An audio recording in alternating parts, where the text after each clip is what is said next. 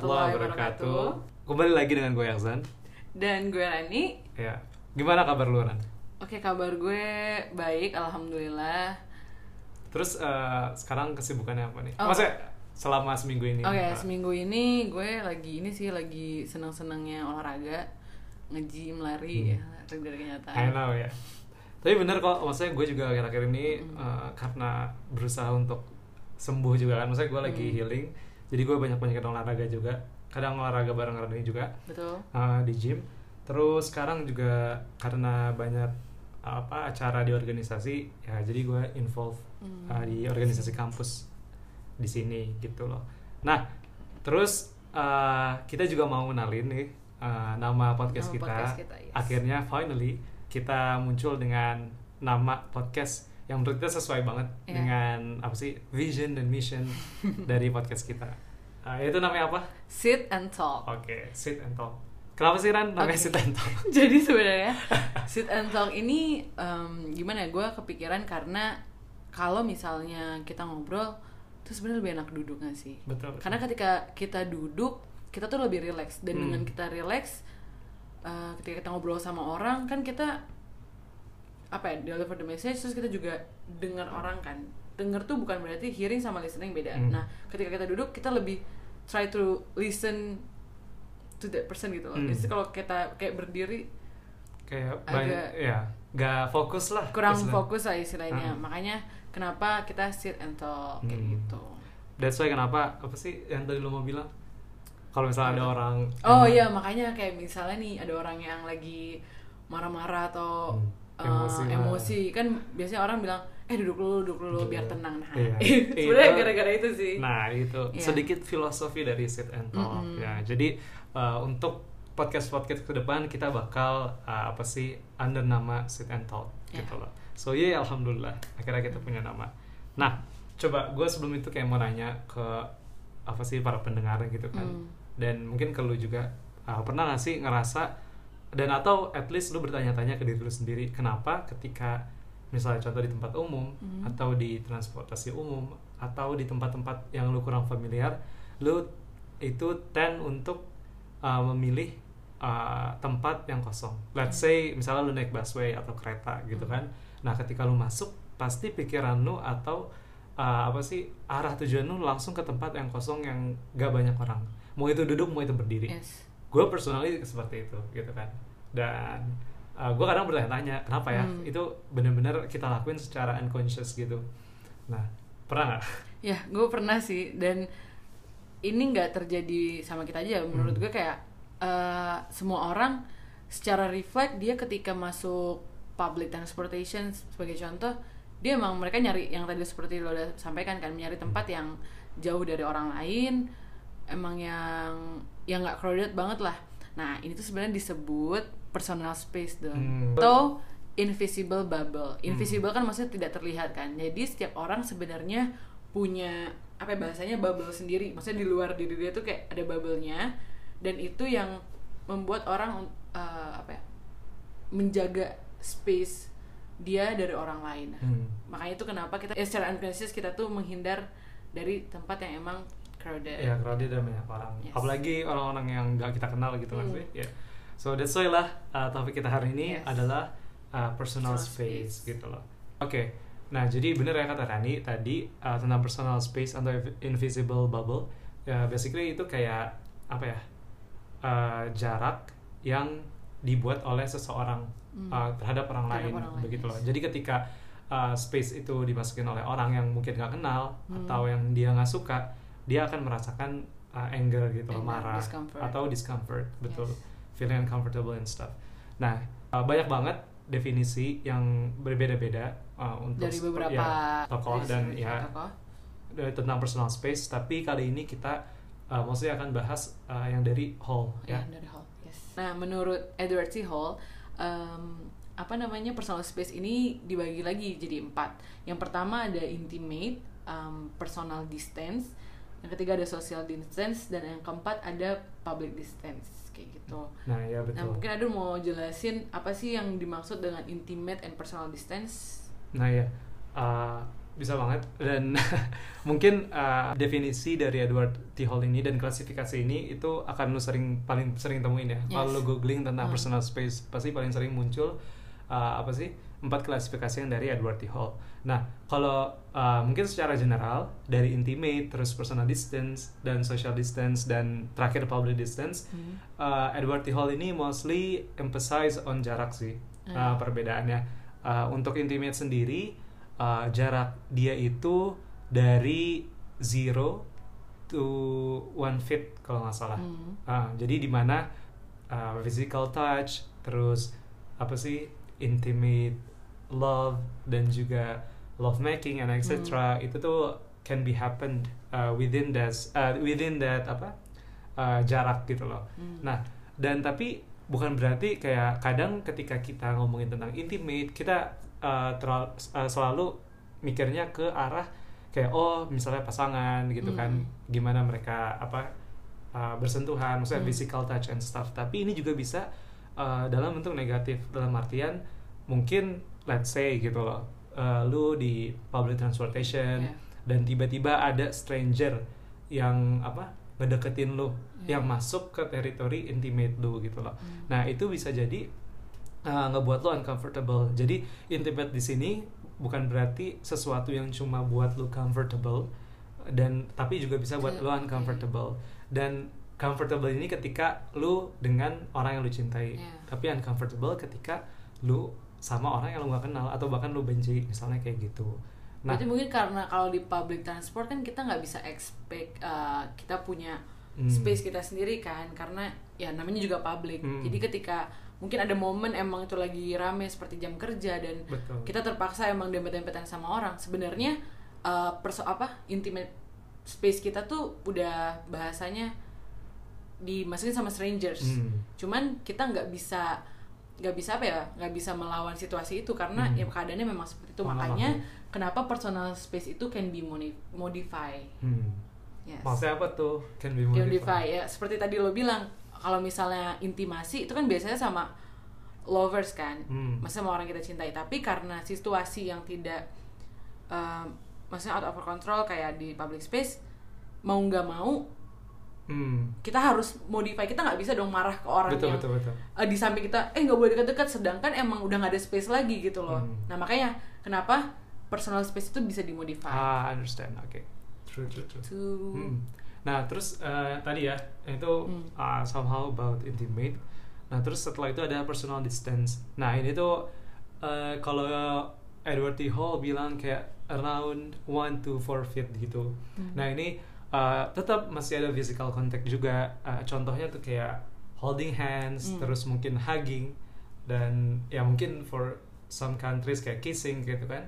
Nah ini tuh bisa kayak dari teman, family, pasangan juga. Nah cuma uh, yang gue lihat uh, perbedaan antara intimate dan personal distance ini juga ngaruh sama nah apa sih tempat lagi gitu loh. Maksudnya Oke. kayak ya uh, di mana kayak orang itu uh, tidak akan melakukan intimate, maksudnya sesuatu yang intimate ketika dia di public contoh Hmm. misalnya kayak gitu maka uh, mereka akan melakukan uh, ya tadi yang gue sebutin tadi kayak holding hands itu masuknya ke personal distance karena mereka tidak bisa melebihi dari Hmm. uh, jarak atau space lebih dari personal distance ya misalnya di cafe karena ada pasangan bisa pegangan tangan gitu-gitu itu pasti bisa diterima dan mereka nggak uncomfortable gitu dan orang-orang juga uncomfortable tapi kan nggak akan mungkin Iya.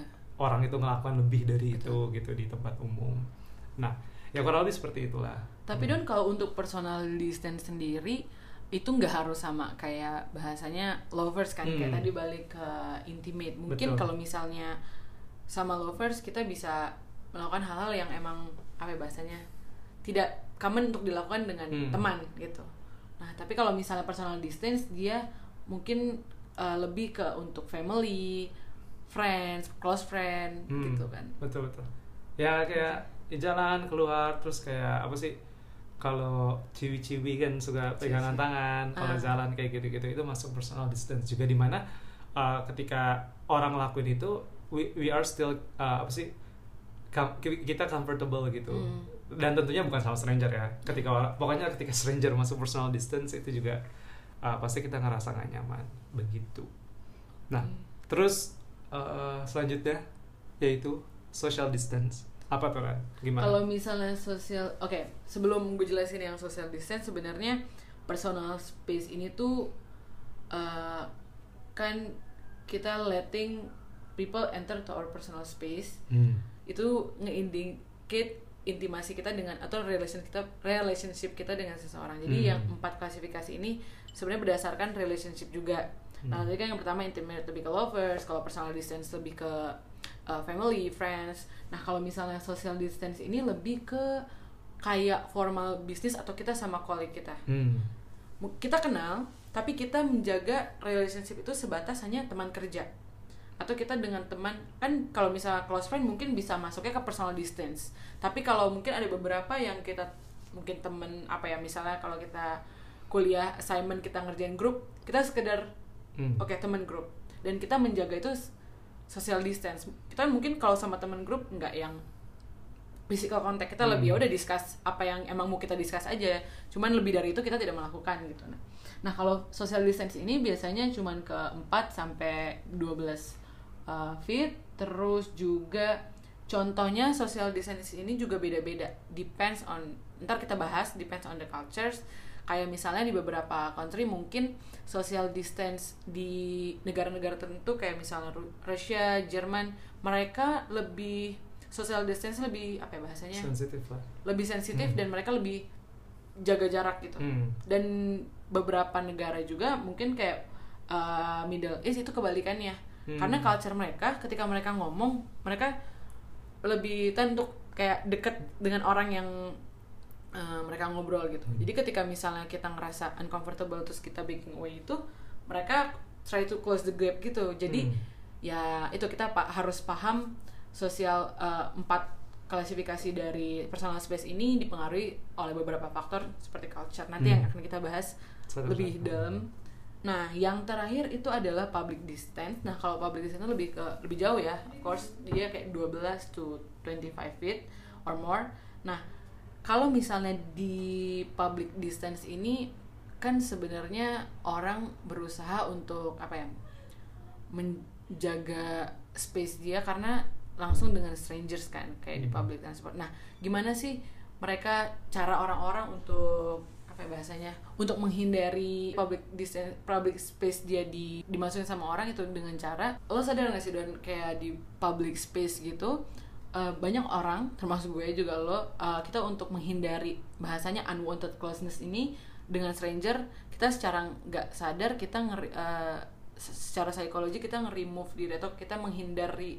diri kita dari apa ya bahasanya untuk menjaga personal space kita itu dengan yaitu uh, kita tidur kalau di kereta kan kita atau dengerin musik main HP untuk beberapa orang baca buku gitu Hmm. kalau misalnya gue pribadi ya gue lebih kalau di public space uh, dengerin lagu sih dengerin lagu Hmm. atau ngeliat jalan at least gue nggak ada eye contact gitu sama stranger Soalnya kalau ada eye contact tuh kayak awkward gitu nggak sih nah itu Betul. cara gue Hmm. untuk nge apa namanya menjaga personal space gue Hmm. di public distance. Kalau Hmm. lo gimana don? Ya sama gue juga kayak gitu. Dan Hmm. sometimes I'm wondering gitu kok bisa ada orang yang kayak di misalnya di bus atau di kereta itu benar-benar nggak buka HP benar-benar dia udah dia kayak duduk biasa aja dan dia tapi kadang ngelihat orang-orang gitu nggak Ah, sih? Dan dan- itu kadang kita nah nyaman. kayak wow maksudnya bisa gitu Hmm. ya kalau gue personally uh, ya itu tadi uh, gue bener-bener menjaga apa sih public uh, distance gue gitu loh Hmm. public space gue Uh, contoh ya misalnya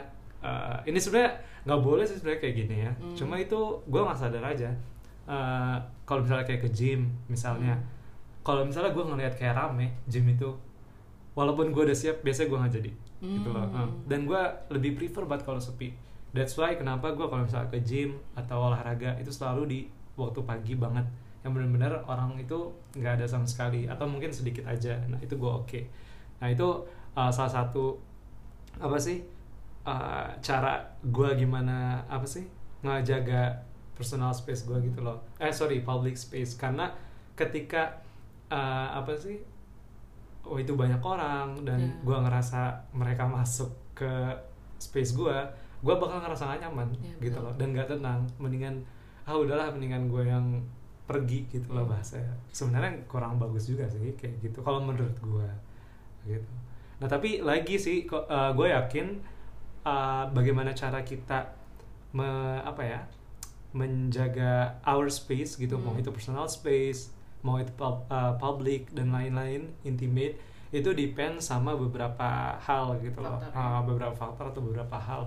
Kayak mungkin uh, to be start with uh, gue datang dari keluarga yang mungkin nggak ke apa ya sering banget ke expose sama orang-orang banyak Hmm. misalnya kayak gitu ya kan bener-bener mungkin kalau misalnya uh, ketemu sama orang-orang yang kenal mm, dan mungkin teman-teman apa sih orang tua gue pokoknya ya deket-deket aja gitu loh jadi uh, ketika gue dihadapi dengan uh, tempat atau space yang bener-bener full of stranger misalnya gitu-gitu itu menjadi apa gue menjaga banget gitu loh Hmm. bisa awkward banget atau uncomfortable banget itu tapi ya pasti masih banyak faktor lagi selain itu Iya. gitu kan Nah mungkin yang kayak Adun bilang tadi, family itu sebenarnya uh, salah satu faktor juga yang mempengaruhi personal space. Nah family ini under culture.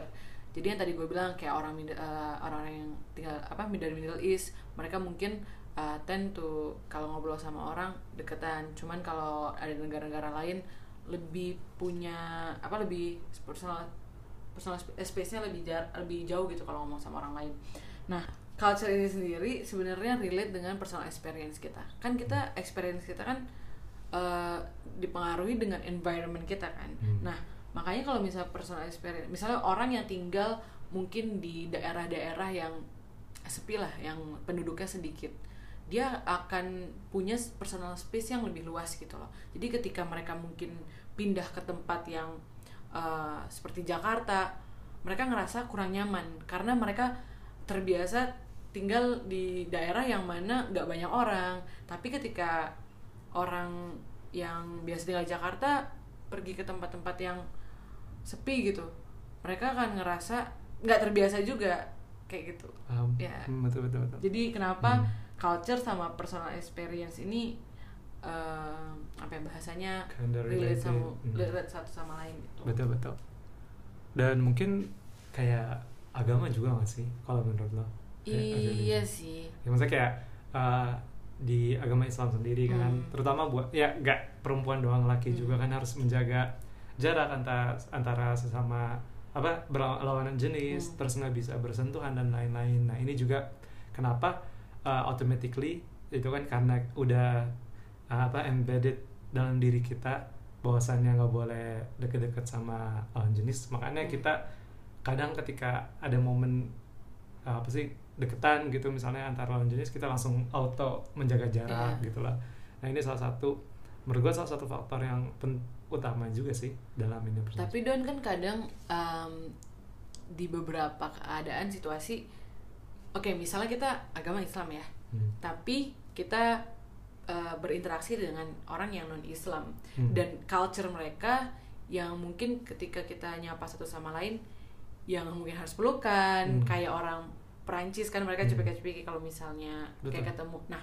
itu menurut lo gimana kalau gue melihat kalau misalnya uh, lawan jenis gue Hmm. berumur Hmm. maksudnya kayak ya sudah tua gitu kan Hmm. itu it's okay kalau menurut gue tapi mungkin kalau misalnya kayak masih muda dan mungkin uh, konteksnya di uh, kemungkinan mereka untuk memahami kita kenapa sih kita menjaga jarak Hmm. karena agama kita gitu kan uh, uh, it's okay gue akan tetap nggak akan bersentuhan gitu Hmm. gue akan bilangin gitu selama gimana ya kadang uh, sebenarnya kan apalagi sekarang kita udah mulai uh, ke zaman modern di mana informasi itu cepet banget kalau bahkan kalau gue ngeliat TikTok sendiri Hmm. hal-hal kayak gini tuh udah masuk juga gitu loh maksudnya kayak oh ternyata orang Islam itu uh, nggak bisa kalau salam sentuhan gitu kan Hmm. dan ini datangnya dari experience experience orang barat gitu loh Oke. nah jadi orang-orang pada tahu dan lebih aware sama culture kita terus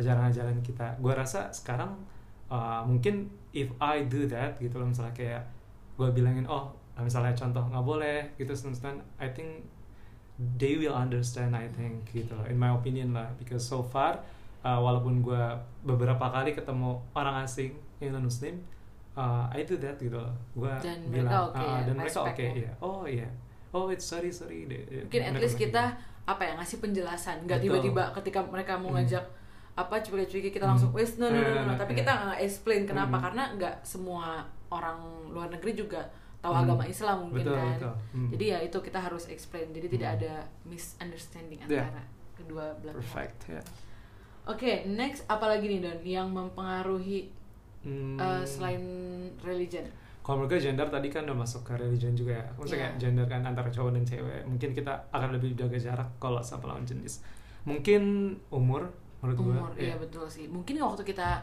kecil ngerasa nggak sih kita kalau misalnya orang dekat-dekat sama kita kita biasa aja Hmm. karena em, apa ya ya karena masih kecil Hmm. dan nggak ada experience dan nggak paham juga Betul. tapi ketika kita as grow ya, as we grow older kita semakin apa ya semakin paham personal space kita dan eh, secara nggak langsung kita kalau orang-orang dekat sama kita kita kayak Hmm. menghindar gitu Hmm.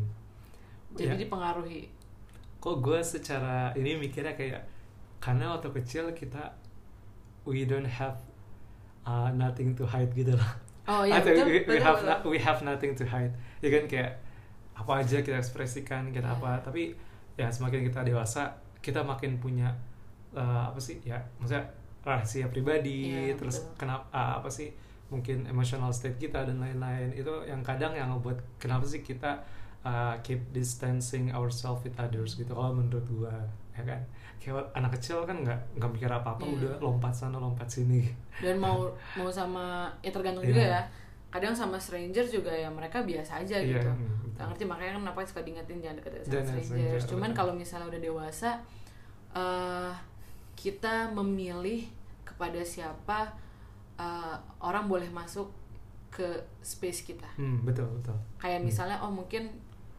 di kalangan eh, apa ya bahasanya temen ada yang temen ini ada yang masuk ke personal space mungkin close friend Hmm. kita lebih membuka eh, pribadi kita Hmm. kepada orang itu tapi ada juga yang kayak sosial kita temenan sekedar temen eh, kolik sekedar kolik kita Hmm. nggak eh, apa ya bahasanya tidak ada relationship di luar itu gitu loh Betul betul.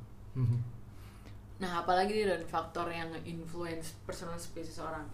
Uh, menurut gue personality juga kayaknya Hmm. personality juga penting uh, yang apa sih hal yang penting yang mempengaruhi personal space seseorang kayak contoh misalnya ada orang yang mungkin touchy gitu loh Hmm. suka pegang Pegang. sana sini Iya. gitu kan uh, itu uh, apa mungkin bagi mereka itu adalah form uh, apa sih rasa sayang mereka atau Iya, lain betul. gitu loh terhadap teman maupun yang lebih dari teman tapi ada juga yang nggak sama Nggak- sekali nggak suka, suka, ya. dipegang gitu loh sensitif nah tapi hal-hal kayak gini uh, itu kita nggak bisa kayak main talk uh, misalnya marah ke orang Hmm. ya eh lu apa sih touchy atau apa gitu banget. touchy banget gitu-gitu dan pun sebaliknya nah that's why kenapa dalam personal space ini ada uh, yang namanya gimana sih kita untuk uh, apa ya understand atau paham personal space orang lain gitu loh. Nah nah yang pertama itu no basic rules. Nah ini ba- basic rules apa sih?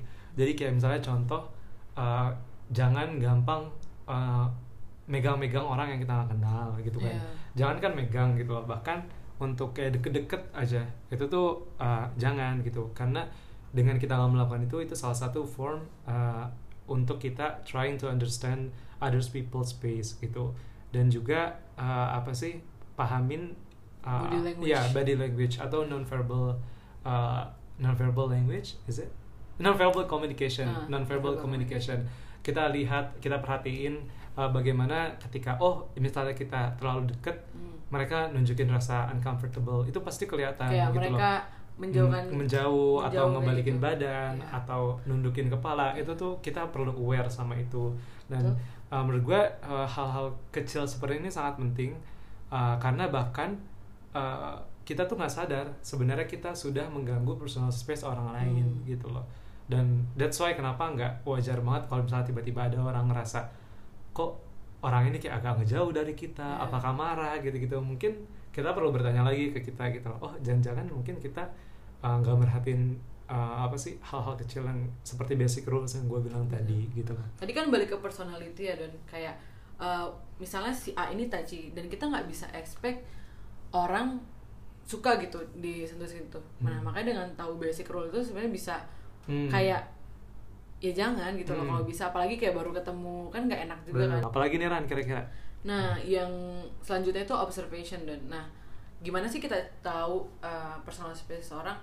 Ya kita ob- uh, try to observe uh, orang itu gitu loh. Misalnya, nah kita tuh tahu background dia. Uh, contohnya mungkin dari culture-nya aja deh. Kalau misalnya kita ngomong sama orang yang uh, dari luar negeri, oh kita harus paham bahwa mereka itu punya space yang lebih apa ya bahasanya ya? Lebih Lebih sensitif lah. lebih sensitif gitu dan kita harus aware akan itu. Nah, observe ini juga selain culture, kita harus paham personality dia gitu.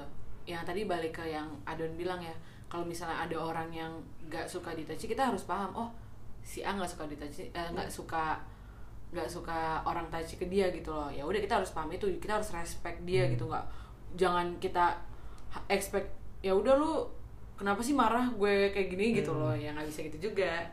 Nah terus juga gender dan em, apa ya umur mempengaruhi juga kita harus paham kalau misalnya eh, kita sama orang yang seumuran kayak masih anak muda gitu mungkin kita nggak nyaman kalau misalnya ngomong terlalu dekat cuman kalau kita ngomong sama orang tua kayak udah yang kayak umur 60 70 gitu kan kita nggak mungkin dong ngomong jauh-jauhan itu Hmm. malah eh, indicate kita nggak sopan sama Betul. beliau gitu kan Hmm. makanya kenapa kalau kita ngomong sama orang tua kita deket bahkan kita nunduk kayak Hmm. gitu jadi itu berdasarkan observation kita terhadap orang itu Nah, uh, iya bener banget. Jadi uh, menurut gua untuk mempelajari personal space orang lain itu emang gak gampang dan emang butuh waktu, Waktu ya. gitu. Karena emang tadi butuh observation, terus kita juga harus ngelihat gimana sih orang ini ngerespon kalau misalnya kita gini, kita gitu, gitu kan.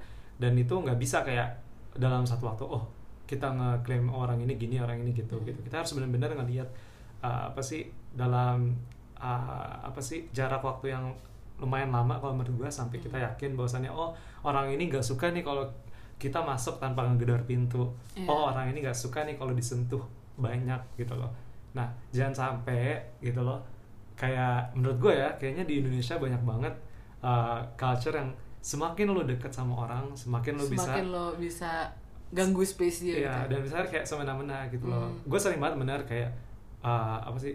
uh, udahlah nih gue pakai barang ini, maksudnya bahkan uh, orang nggak bilang gitu loh. Hmm. Karena kenapa? Oh kita udah deket banget gitu loh. Contoh uh, apa sih? Tiba-tiba barang kita hilang misalnya, Hmm. terus oh ternyata dicari-cari kita cari-cari sampai gimana? Eh ternyata teman kita yang make. Terus ketika kita marahin, ya lah teman deket ini Iya. gitu kan, udah deket ini ngapain sih kaku banget misalnya kayak gitu. Nah menurut gue uh, uh, ini satu culture yang kurang bagus sih. Iya. Pertama kan ya yang emang paling penting itu kan ketika lo mau minjem sesuatu ya lo harus izin gitu kan. Itu Nah itu berarti kayak basic rules. ya no basic No rules. basic rules, Nah itu yes. termasuk no basic rules juga gitu loh. So, berdasarkan apa yang udah kita bahas tadi, berarti penting banget ya don uh, kita respect other people personal space gitu loh. Ya gimana ya kita mau kita mau di respect orang, ya kita harus respect mereka juga gitu loh. Kayak we treat other like we want to be treated. Ya nggak sih? Smart, yes. Hmm. Nah, nah dan menurut gua uh, memahami personal space itu penting banget. Mau itu tadi apa sih tentang klasifikasinya, terus tentang apa sih faktornya, Faktornya. dan cara untuk memahami personal space orang itu gimana.